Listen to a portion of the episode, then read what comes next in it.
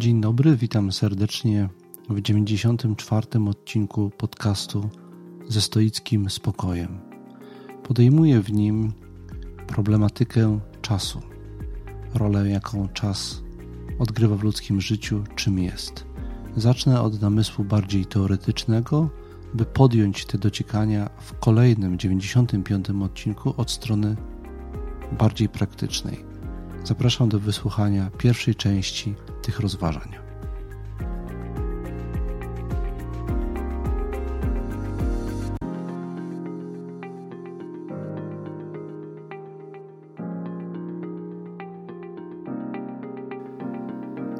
Czas w naszym życiu najczęściej pojawia się od strony, wydaje mi się, dwóch typów doświadczeń. Po pierwsze, od strony przemijania, i ten wątek podjąłem tutaj już w związku z okrągłą rocznicą moich urodzin. Po drugie, od strony pamięci. Od strony przemijania czas nam się jawi jako doświadczenie umykania, pozostawiania czegoś ze sobą. Jakoś też dotyka kwestii tożsamości. Na ile na przestrzeni tego upływającego czasu wciąż jesteśmy sobą, na ile się zmieniliśmy. Natomiast jeżeli chodzi o pamięć, to dlatego pojęcie czasu łączy się ściśle z pojęciem, z doświadczeniem, z fenomenem pamiętania, że zawsze, kiedy wspominamy to, co było, łączy się z tym wspominaniem pytanie o to, na ile faktycznie dobrze to, co było, pamiętamy, a na ile to zniekształcamy, rekonstruujemy, tak aby było nam dobrze z tym, co się wydarzyło na ile pamięć nasza jest rzeczywiście pamięcią czasu, a na ile jego tworzeniem.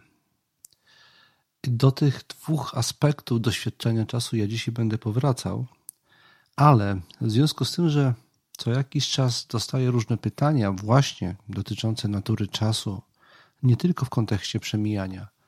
Są to pytania y, o charakterze bardziej pogłębiającym, filozoficznym, z tego też powodu postanowiłem sięgnąć mm, po pojęcie czasu jako główny temat jednego z odcinków tego odcinka i zbadać jego naturę filozoficznie, filozoficznie poddać to refleksji, ale nie tylko refleksji teoretycznej. Tak jak zapowiedziałem we wstępie do dzisiejszego odcinka, po części bardziej teoretycznej nastąpi część bardziej praktyczna. Pokażę w jaki sposób stoicy sięgając po doświadczenie czasu wykorzystywali go do celów praktycznych, a przez cel praktyczny mam na myśli nasz dobrostan. W jaki sposób namysł nad czasem i pewnego rodzaju zajmowanie się czasem może wpłynąć na nasz dobrostan. Więc taki byłby praktyczny cel, do którego dojdę na koniec tych rozważań, a więc w następnym 95 odcinku. Dzisiaj chciałem e, pochylić się nad czasem bardziej teoretycznie i przypomnieć, bo chyba trzeba od tego przypomnienia zacząć, że najważniejszy tekst filozoficzny antycznego stoicyzmu z tej grupy tekstów, które przetrwały zawieruchę czasów, e, zawieruchę historii, że najważniejszy z tych tekstów zaczyna się właśnie w pierwszym zdaniu od pojęcia czasu, od doświadczenia naszego czasu i przemijania. Właśnie, przepraszam, nie w kontekście wyłącznie przemijania, tam chodzi o inny aspekt tego doświadczenia, które chciałem teraz przybliżyć. E, czy wiecie, o jakim tekście mówię teraz? Zrobiłem pauzę, żebyście mieli chwilę czasu na to, żeby poszperać w głowie. Są to oczywiście listy moralne do Lucyliusza Seneki.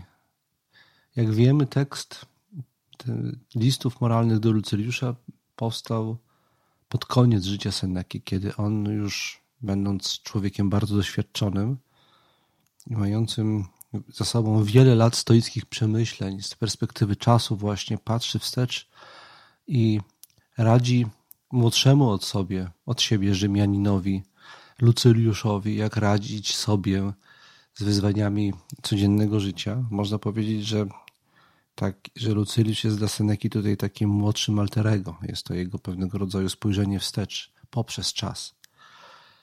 Ale chyba nie dlatego porusza kwestię czasu w pierwszym liście, w pierwszym zdaniu pierwszego listu. Przytoczę kilka fragmentów i poddam je tutaj krótkiej wstępnej analizie. Cytuję to pierwsze zdania. Tak właśnie postępuj, mój Lucyliuszu. Wyzwalaj siebie dla siebie. A czas, który jak dotąd był ci albo rabowany, albo kradziony, albo sam uchodził niepostrzeżenie, gromadź i szczęć. Wierzaj, że tak się to przedstawia, jak tu piszę. Pewne chwile są nam odbierane jawnie, inne odejmowane pokryjomu, a jeszcze inne wymykają się nam same. Najgorsza jest wszelako strata wynikająca z naszego niedbalstwa. I jeżeli zechcesz głębiej się zastanowić, pojmiesz, iż największa część życia schodzi nam na postępkach złych, duża część na bezczynności, a całe życie na czynieniu czegoś innego, niż by należało. Kogoż mi wskażesz, kto by przyznał czasowi jaką bądź wartość, kto by docenił dzień, kto by zrozumiał, że przecież codziennie umiera. Jesteśmy bowiem w błędzie, oczekując śmierci w przyszłości. W znacznej mierze nastąpiła już ona w przeszłości. Koniec pierwszego cytatu z tego listu. Jeszcze jeden krótki cytat, krótszy niż ten poprzedni. Cytuję. A tak wielki jest nierozsądek śmiertelników, iż otrzymawszy coś całkiem drobnego i błahego i w każdym razie dającego się odpłacić, uważają, że coś się od nich należy. Nikt zaś, kto zabrał nam czas, nie poczuwa się do żadnego długu, gdy tymczasem jest to jedyna rzecz, którą nie może odwzajemnić się nawet ktoś wdzięczny. To koniec drugiego cytatu. Po pierwsze więc, e, może inaczej zacznę. Po pierwsze chciałem powiedzieć, że ja poczytuję sobie listy moralne Licyliusza na przestrzeni czasu właściwie nieustannie. Odkąd zacząłem się interesować stoicyzmem około 30 lat temu, do tego tekstu nieustannie wracam. I tym, co mnie zachwyca i uderza, jest to, że w tego typu tekstach zawsze odnajdujemy coś nowego. Nie dlatego, że one się zmieniają, tylko dlatego, że my się zmieniamy i innymi doświadczeniami czytamy. Tak jest i w tym przypadku. Tym, co mnie uderzyło w tej lekturze, której podjąłem się, mając na myśli przygotowanie do dzisiejszego odcinka, tym, co mnie uderzyło, jest powiązanie pojęcia czasu z wyzwalaniem. E, Seneca wprost w pierwszych zdaniach o tym właśnie mówi. E, wniosek mój jest taki, że to powiązanie sprowadza się do ukrytej tutaj tezy w tym liście, ukrytej przesłanki mocnej tego, te, tego fragmentu, że bycie wolnym i bycie wyzwolonym to znaczy w pełni zarządzać własnym czasem. To znaczy wolność.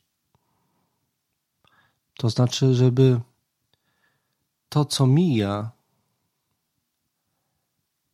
to jak spędzamy to, co mija, ten czas mijający, był całkowicie w zgodzie z nami.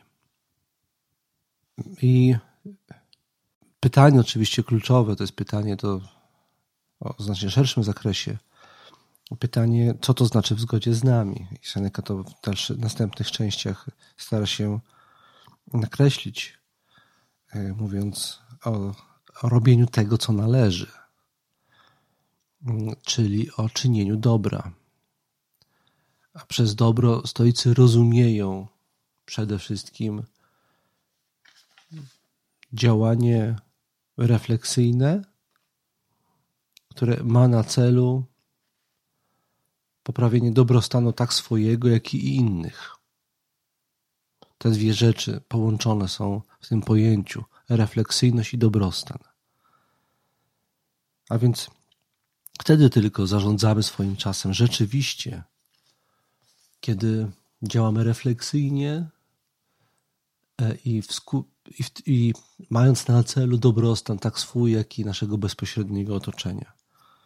Kiedy jakikolwiek inny cel zakrada się przez naszą nieostrożność i nieuważność do tego, co tu i teraz robimy, to znaczy, że nie dysponujemy własnym czasem. To znaczy, że go tracimy, to znaczy, że tracimy jedyną rzecz, którą realnie zdaniem Seneki dysponujemy. Inny aspekt, jaki w tym liście Seneca wskazuje, to jest motyw heideggerowski. Heidegger, jak wiadomo, w byciu i czasie skupia się na doświadczeniu czasu i między innymi zwraca uwagę na kondycję człowieka jako istoty zanurzonej w czasie. I właśnie to punktuje szczególnie, że jesteśmy bytem ku śmierci. Śmierć to nie jest coś odległego, ale to jest coś cały czas obecnego w naszym życiu, bo to, co minęło, już nie wróci. Każdego dnia po trosze umieramy. I ten motyw utraty nieustannie siebie jest tutaj też u Seneki obecny, ale można powiedzieć, że on go rozgrywa w sposób y, sugerujący pewną sprzeczność, bo z jednej strony czas jest jedyną rzeczą, którą dysponujemy, a z drugiej strony, skoro nieustannie on nam umyka i nieustannie umieramy, to jednak nią nie do końca dysponujemy. Jak rozwiązać ten paradoks? To jest jakieś wyzwanie dla czytelnika tego tekstu. Ja tego teraz y, nie rozwiążę, bo nie wszystkie paradoksy da się rozwiązać tak prosto. Daję to jako wyzwanie Wam, moim słuchaczom i słuchaczkom. Y, I to właśnie wszystkie motywy, które chciałem tutaj, od których chciałem tutaj zacząć. Y, I, I w ten sposób kończę pierwszą część moich rozważań.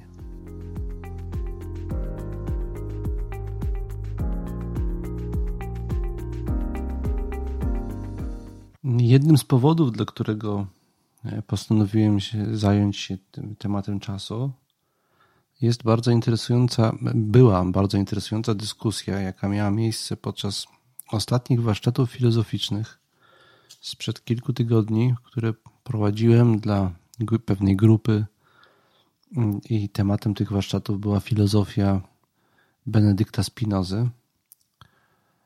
I e, omawiając e, spinozjański, spinozjańską ontologię bardzo silnym motywem deterministycznym, to się pojawił, e, pojawiło pojęcie czasu, w szczególności w kontekście następstwa zdarzeń. Istotą determinizmu spinozjańskiego jest twierdzenie, że każde Zdarzenie, które zachodzi, jest bezpośrednią konsekwencją stanu świata sprzed tego zdarzenia. Świata jako całości, sumą splotów różnych przyczyn. I w tym kontekście zaczęliśmy trochę rozmawiać o czasie, o przemijaniu. Jedna z uczestniczek mm, w sposób bardzo intrygujący przytoczyła tekst piosenki Jonasza Kofty. Mm, jest to tekst y, pod tytułem Ballada historiozoficzna.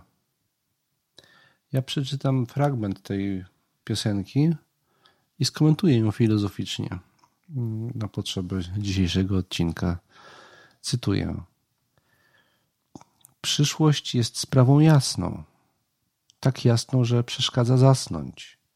Możesz zagrać każdą z ról. Twoich snów nie gryzie mól, a w tornistrze masz buławę swoją własną. Lecą lata, leziesz w przód, bije licznik twoich dróg. Coraz więcej jest spraw, które były. Ruszasz z posad, świata bryły. Mijasz cele, rosną tyły. Co za tobą, na to wpływ straciłeś już. Nie wiadomo, jaka będzie nasza przeszłość, co okaże się za entą ilość lat. Na czym ważnym nam istnienie nasze zeszło, gdy się zmieni w historyczny fakt. Nie wiadomo, jaka będzie nasza przeszłość, jaka będzie po nas pamięć. Kto to wie? Koniec cytatu to mniej więcej połowa tej piosenki, tekstu tej piosenki. Zabawa, jaką zaproponował tutaj autor, to jest odwrócenie pewnego naturalnego porządku myślenia o czasie. Z natury myślimy o czasie właśnie w ten sposób, że przeszłość jest czymś wiadomym, natomiast niewiadoma jest przyszłość. A on proponuje eksperyment myślowy pokazujący, że kiedy, kiedy tu, tu i teraz myślimy o naszej przeszłości, to ona jest właśnie niewiadoma. Przy czym on przeszłość e, ekstrapoluje w przyszłość, bo my tą naszą przyszłość kształtujemy każdym wyborem e, i nie wiemy, co za 10 lat będzie naszą przeszłością. Więc paradoksalnie tak naprawdę, gdyby rozwikłać tę zagadkę, którą ty proponuję, to ta przeszłość, o której mówi, to jest przyszła przeszłość, a nie rzeczywista przeszłość, którą mamy tu i teraz.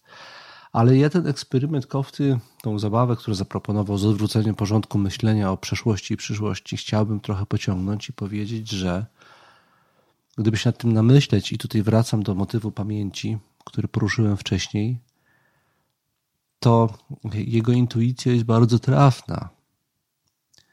Nam się wydaje, że przeszłość jest czymś nieruchomym, podczas gdy w istocie ona jest czymś bardzo ruchomym, za sprawą tego, jak pamiętamy to, co się zdarzyło.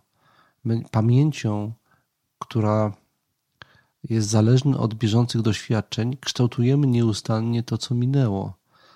Na pewno mieliście wiele razy takie doświadczenie, że kiedy mówicie o jakimś zdarzeniu, rozmawiacie o jakimś zdarzeniu sprzed lat z, z kimś, kto w tym zdarzeniu uczestniczył, op, oprócz was, to dziwi was, jak bardzo inaczej ta osoba to pamięta. Każdy z nas inaczej pamięta to, co nam się przydarzyło.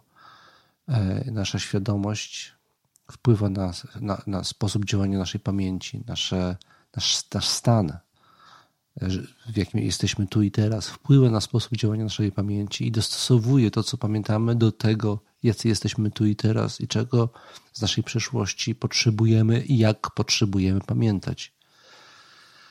W tym sensie to nasza teraźniejszość kształtuje tak naprawdę naszą przeszłość. Nigdy nie wiadomo, jaka będzie nasza przeszłość za pięć lat. Właśnie w tym sensie i w tym znaczeniu, że my ją zawsze dostosowujemy do tego, jacy jesteśmy tu i teraz. I chciałem pociągnąć tę refleksję e, i powiedzieć, że e, podobno, podobny zabieg można zrobić ze wszystkimi formami czasu. Czas dzielimy zazwyczaj na przeszłość, teraźniejszość i przyszłość. Jak spojrzymy na różne refleksje, jakimi poddawane jest doświadczenie czasu, to zauważymy, że różni myśliciele kładą nacisk na któryś z tych aspektów doświadczenia czasu.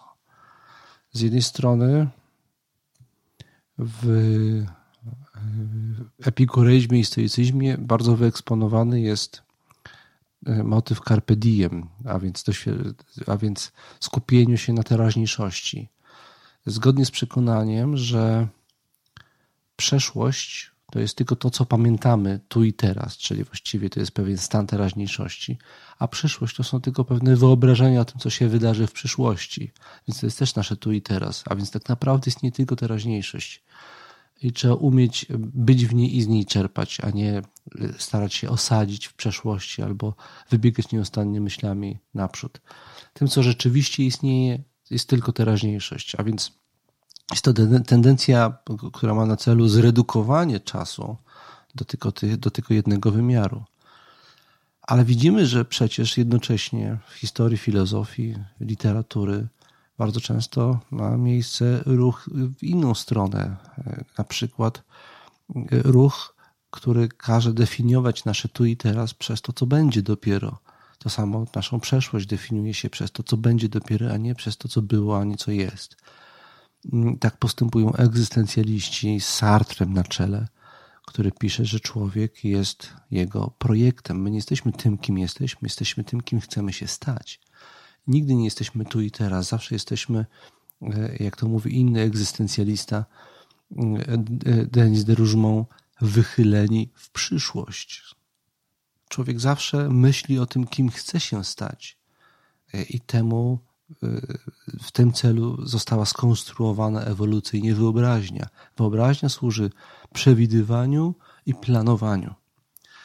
I my żyjemy w wyobrażeniu, a nie w tym, co tu i teraz jest. Tu i teraz, to co czujemy tu i teraz jest zawsze podporządkowane tym, co chcemy, żeby było w przyszłości. W tym sensie można zredukować doświadczenie czasu wyłącznie do jednego wymiaru, do przyszłości. I to robią egzystencjaliści. Ale równie często przecież także współcześnie redukuje się te trzy wymiary czasu do przeszłości. I tak jest w tych typach refleksji, które mają charakter bardziej deterministyczny, na przykład w psychologii ewolucyjnej, gdzie mówi się, że człowiek jest konsekwencją przede wszystkim ewolucji, jest, jest, realizujemy pewien program ewolucyjny. Nie jesteśmy tym, kim nam się wydaje, że jesteśmy. To jest tylko pewnego rodzaju narracja, którą sobie dobudowujemy. Jesteśmy sumą różnych programów ewolucyjnych ukształtowanych przez mniej lub bardziej odległą przeszłość. I stoicy nie są bardzo odlegli też tego, tego rodzaju myślenia. Można powiedzieć, że, że w stoicyzmie występują te dwa rodzaje redukcjonizmu. Redukcjonizm czasu do doświadczenia obecnego i redukcjonizm czasu do doświadczenia przeszłego. I w tym drugim przypadku w grę wchodzi stoicki determinizm, kiedy mówi się, że wszystko, co jest teraz, jest konsekwencją tego, co było wcześniej. W tym sensie teraz jest tylko czymś wtórnym, e, już było w pewnym sensie wcześniej, bo to wynika z tego, co było wcześniej. A więc, jak widzimy, czas jest czymś niesłychanie nieuchwytnym. E, czymś, co nam się czasami jawi jako teraźniejszość, czasami jako przyszłość, a czasami jako przeszłość. I, I, pytanie, jaki właściwie jest ten czas, czy który z tych wymiarów czasu jest kluczowy dla nas na, tak naprawdę.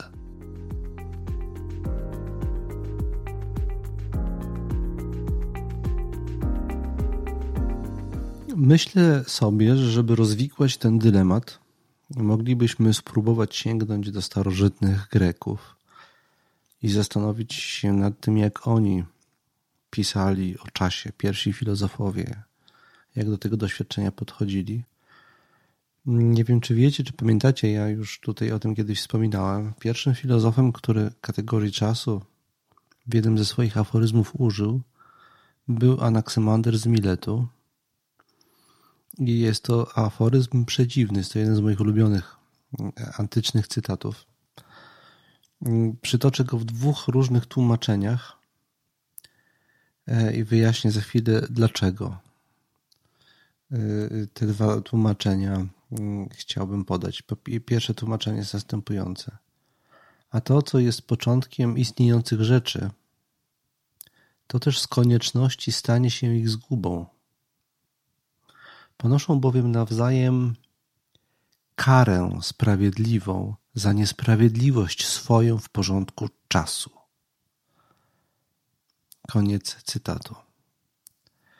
I to jest cytat za Giovannim Reale, Historia filozofii starożytnej w tłumaczeniu e, e, Iwo Zielińskiego.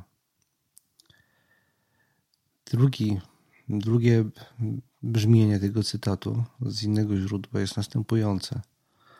A z czego powstają istniejące rzeczy, w to niszczeją. Zgodnie z koniecznością. Płacą bowiem sobie nawzajem karę i pokutę za niesprawiedliwość zgodnie z postanowieniem czasu. I to jest cytat y, y, z, z książki Ravena i Scofielda Filozofia przedsokratejska w tłumaczeniu Langa. Różnica między cytatami jest taka, że tam jest grecki termin tizin, który jest tłumaczony w drugim cytacie jako pokuta. To jest jedno z możliwych tłumaczeń tego słowa. Raz jako kara jest tu przetłumaczone, raz jako, jako pokuta. Terminem, jakiego używa Anaksymander w swoich cytatach, w tym, w tym cytacie, nie tylko w tym, bo on do tego pojęcia wraca też w innych miejscach, to jest chronos, czy kronos. Mm, jest to czas w znaczeniu pewnego rytmu i ładu, stąd pojęcie kary i sprawiedliwości. Mamy tutaj przedziwny obraz człowieka, który żyje na skutek niesprawiedliwości, jakiegoś zaburzenia Zmiana jest możliwa dlatego, że zaburza jakiś, jakąś odwieczną normę. I ta norma w każdym wymiarze musi zostać wyrównana. Musi wrócić do jakiegoś pierwotnego stanu. I czas to jest właściwie takie nieustanne wahanie się między normą, jakim zaburzeniem tej normy. Życie jest zaburzeniem, śmierć jest wyrównaniem rachunku. I czas e, w tym sensie, znaczeniu chronosa, to jest nie tyle to, co upływa, tylko to, co wraca do pierwotnej, normatywnej postaci. I to się dzieje na drodze pewnego rodzaju, przy, pewnego rodzaju przymusu, czy nawet przemocy. Ale mamy też w starożytności inne pojęcie poza kronosem, pojęcie denotujące czas, rzadziej używane, e, rzadziej przytaczane i rzadziej badane. Jest to kairos. W starożytności mamy kronosa i kairosa. I tak na przykład sięgnijmy do Poseidiposa Speli, wybitnego epigramatyka greckiego żyjącego w III wieku przed naszą erą, który ułożył następujący satyryczny w zamyśle epigramat na temat posągu Lizypa. Posąg przedstawia bożka stosownej chwili, Kairosa właśnie. Cytuję e, ten e, e, tekst pochodzący z III wieku przed naszą erą. Skąd ten rzeźbiarz? Z Sykionu. A jak się nazywa Lizyp? A ty kto? Kairos, co wszystko ujarzmia. Czemu stoisz na palcach? Bo wciąż biegnę. A po co? Po co tobie skrzydła u kostek? Bo z wiatrem szybuję. Czemu masz w prawej ręce brzytwę? By pokazać, że jak wąskie jest ostrze, tak czas mu jest krótki. A loki z przodu, aby mógł, aby mógł je tknąć przechodzień. A dlaczego na Zeusa masz z tyłu łysinę, aby nikt, kogo minę, raz jeden w mym locie nie mógł mnie, choćby pragnął, po czasie pochwycić. Z, tak, z jaką myślą artysta cię stworzył? Dla dobra waszego gościu stoję u drzwi, by pouczać. Koniec cytatu. A więc widzimy, że antyczni e, Grecy mieli dwa pojęcia denotujące czas. Z jednej strony, a więc czas występował u nich w dwóch rolach. Z jednej strony jest to siła, która wszystko ujarzmia, a z drugiej strony to jest to coś nieuchwytnego, co jest w ciągłym biegu. I ta kategoria ujarzmienia ma podwójny sens. Prawa i kary, ładu i przemocy. Te rzeczy idą ze sobą w parze. Mm, tak, tak o czasie mówili Grecy, a więc można powiedzieć, że w tym doświadczeniu czasu jest coś zarówno niezmiennego, ta norma, do której wszystko musi wrócić, jak i zmiennego. I to, co zmienne, jest nieuchwytne. To, co uchwytne, to jest ta norma. A więc można powiedzieć, że w pewnym sensie oni mają poczucie, że czas jest nieuchwytny, że w pewnym sensie nie istnieje w związku z tym. I to y, pozwala mi przejść do ostatniego motywu, który na dzisiaj przygotowałem w ramach tej filozoficznej analizy, filozoficznej próby pogłębienia doświadczenia czasu. Chodzi mi o stoicką koncepcję wiecznego powrotu. Stoicy są bardzo mocno osadzeni w antycznej tradycji myślenia o czasie, kiedy przedstawiają koncepcję wiecznego powrotu. Ja y, ten temat już tutaj wiele razy poruszałem, więc nie będę go bardzo szczegółowo teraz analizował, tylko jeden kontekst chciałem nakreślić. Koncepcja wiecznego powrotu zakłada, że wszystko toczy się po kole, że czas zatacza koło. I punktem zwrotnym zawsze jest moment, w którym świat ulega jakiemuś kataklizmowi. Antyczni stoicy nazywali ten kataklizm ektopyrozis, czyli zognienie kosmosu. Wszystko płonie, niszczy się a potem się odradza. I po tym odrodzeniu czas toczy się tak jak poprzednio. To znaczy dokładnie tak samo jak poprzednio. Każdy szczegół wydarza się jeszcze raz, tak samo. I to jest jakoś na poziomie psychologicznym myśl przerażająca, ale jeżeli zbadamy ją filozoficznie i wyciągniemy, spróbujemy wyciągnąć z niej konsekwencje, logiczne, to oznaczałoby, że każda chwila ma dwa wymiary, dokładnie tak jak te dwa pojęcia to oddają Kronosa i Kairosa. Ma wymiar nieruchomy, niezmienny i ruchomy i ulotny. Ta ulotność to jest to przemijanie nieustanne. Nie da się uchwycić czasu, bo on cały czas jest w ruchu. Jeden z uczniów Heraklita, Krates, powiedział, że nie można nawet ruszyć palcem, nie tylko nie można dwa razy wejść do tej samej rzeki, bo wszystko przemija. Jak zaczynasz ruszać palcem, to już jesteś kimś innym niż kiedy skończyłeś nie ruszać tym palcem, bo wszystko jest cały czas w ruchu. Nie ma tego, co, nie, co niezmienne. Ale z drugiej strony, jeżeli przyjąć hipotetycznie za prawdę tezę o wiecznym powrocie, to każda chwila trwa wiecznie, bo wiecznie się powtarza. A więc ten moment, kiedy teraz mnie słuchacie, zawiera w sobie to, co zmienne, przemijające, nieuchwytne, nieuchwytne, ale jednocześnie to, co wieczne, bo ten moment zawsze i odwiecznie powraca, dokładnie w tej samej postaci. I to jest niezwykle dojmujący i intrygujący paradoks, że czas zawiera w sobie to, co odwieczne i to, co zmienne. I że te dwa doświadczenia są w nim zawarte i są od siebie nieodłączne. I nic lepiej tego nie ukazuje niż stoicka koncepcja wiecznego powrotu.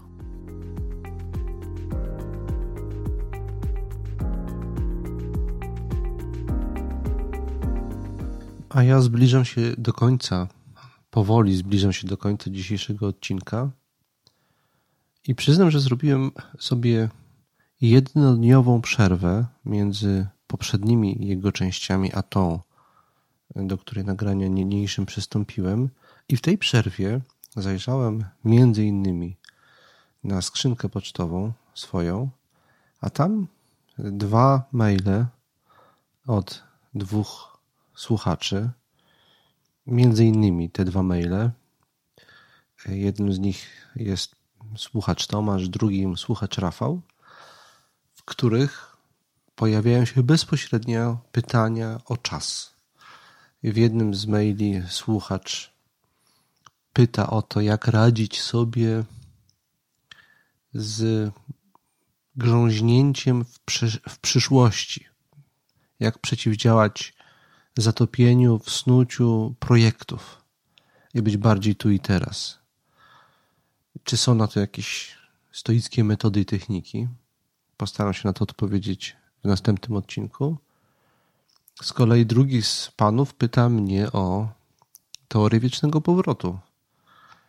E, czy nie jest tak, że o ile u niczego służy ta teoria jako narzędzie przezwyciężania nihilizmu, o tyle u stoików, czy nie jest tak, że może być interpretowana wręcz przeciwnie, że jakoś ona jest pesymistyczno-deterministyczna? Do tego też się odniosę, jak używać tej teorii praktycznie już w następnym odcinku. E, więc obu panów serdecznie zapraszam do wysłuchania kolejnych odcinków i o cierpliwość. E, a wszystkim pozostałym autorom i autorkom listów, słuchaczom i słuchaczkom, także dzisiejszego odcinka, serdecznie dziękuję. Patronom za wspieranie tego podcastu za pośrednictwem platformy Patronite bardzo dziękuję.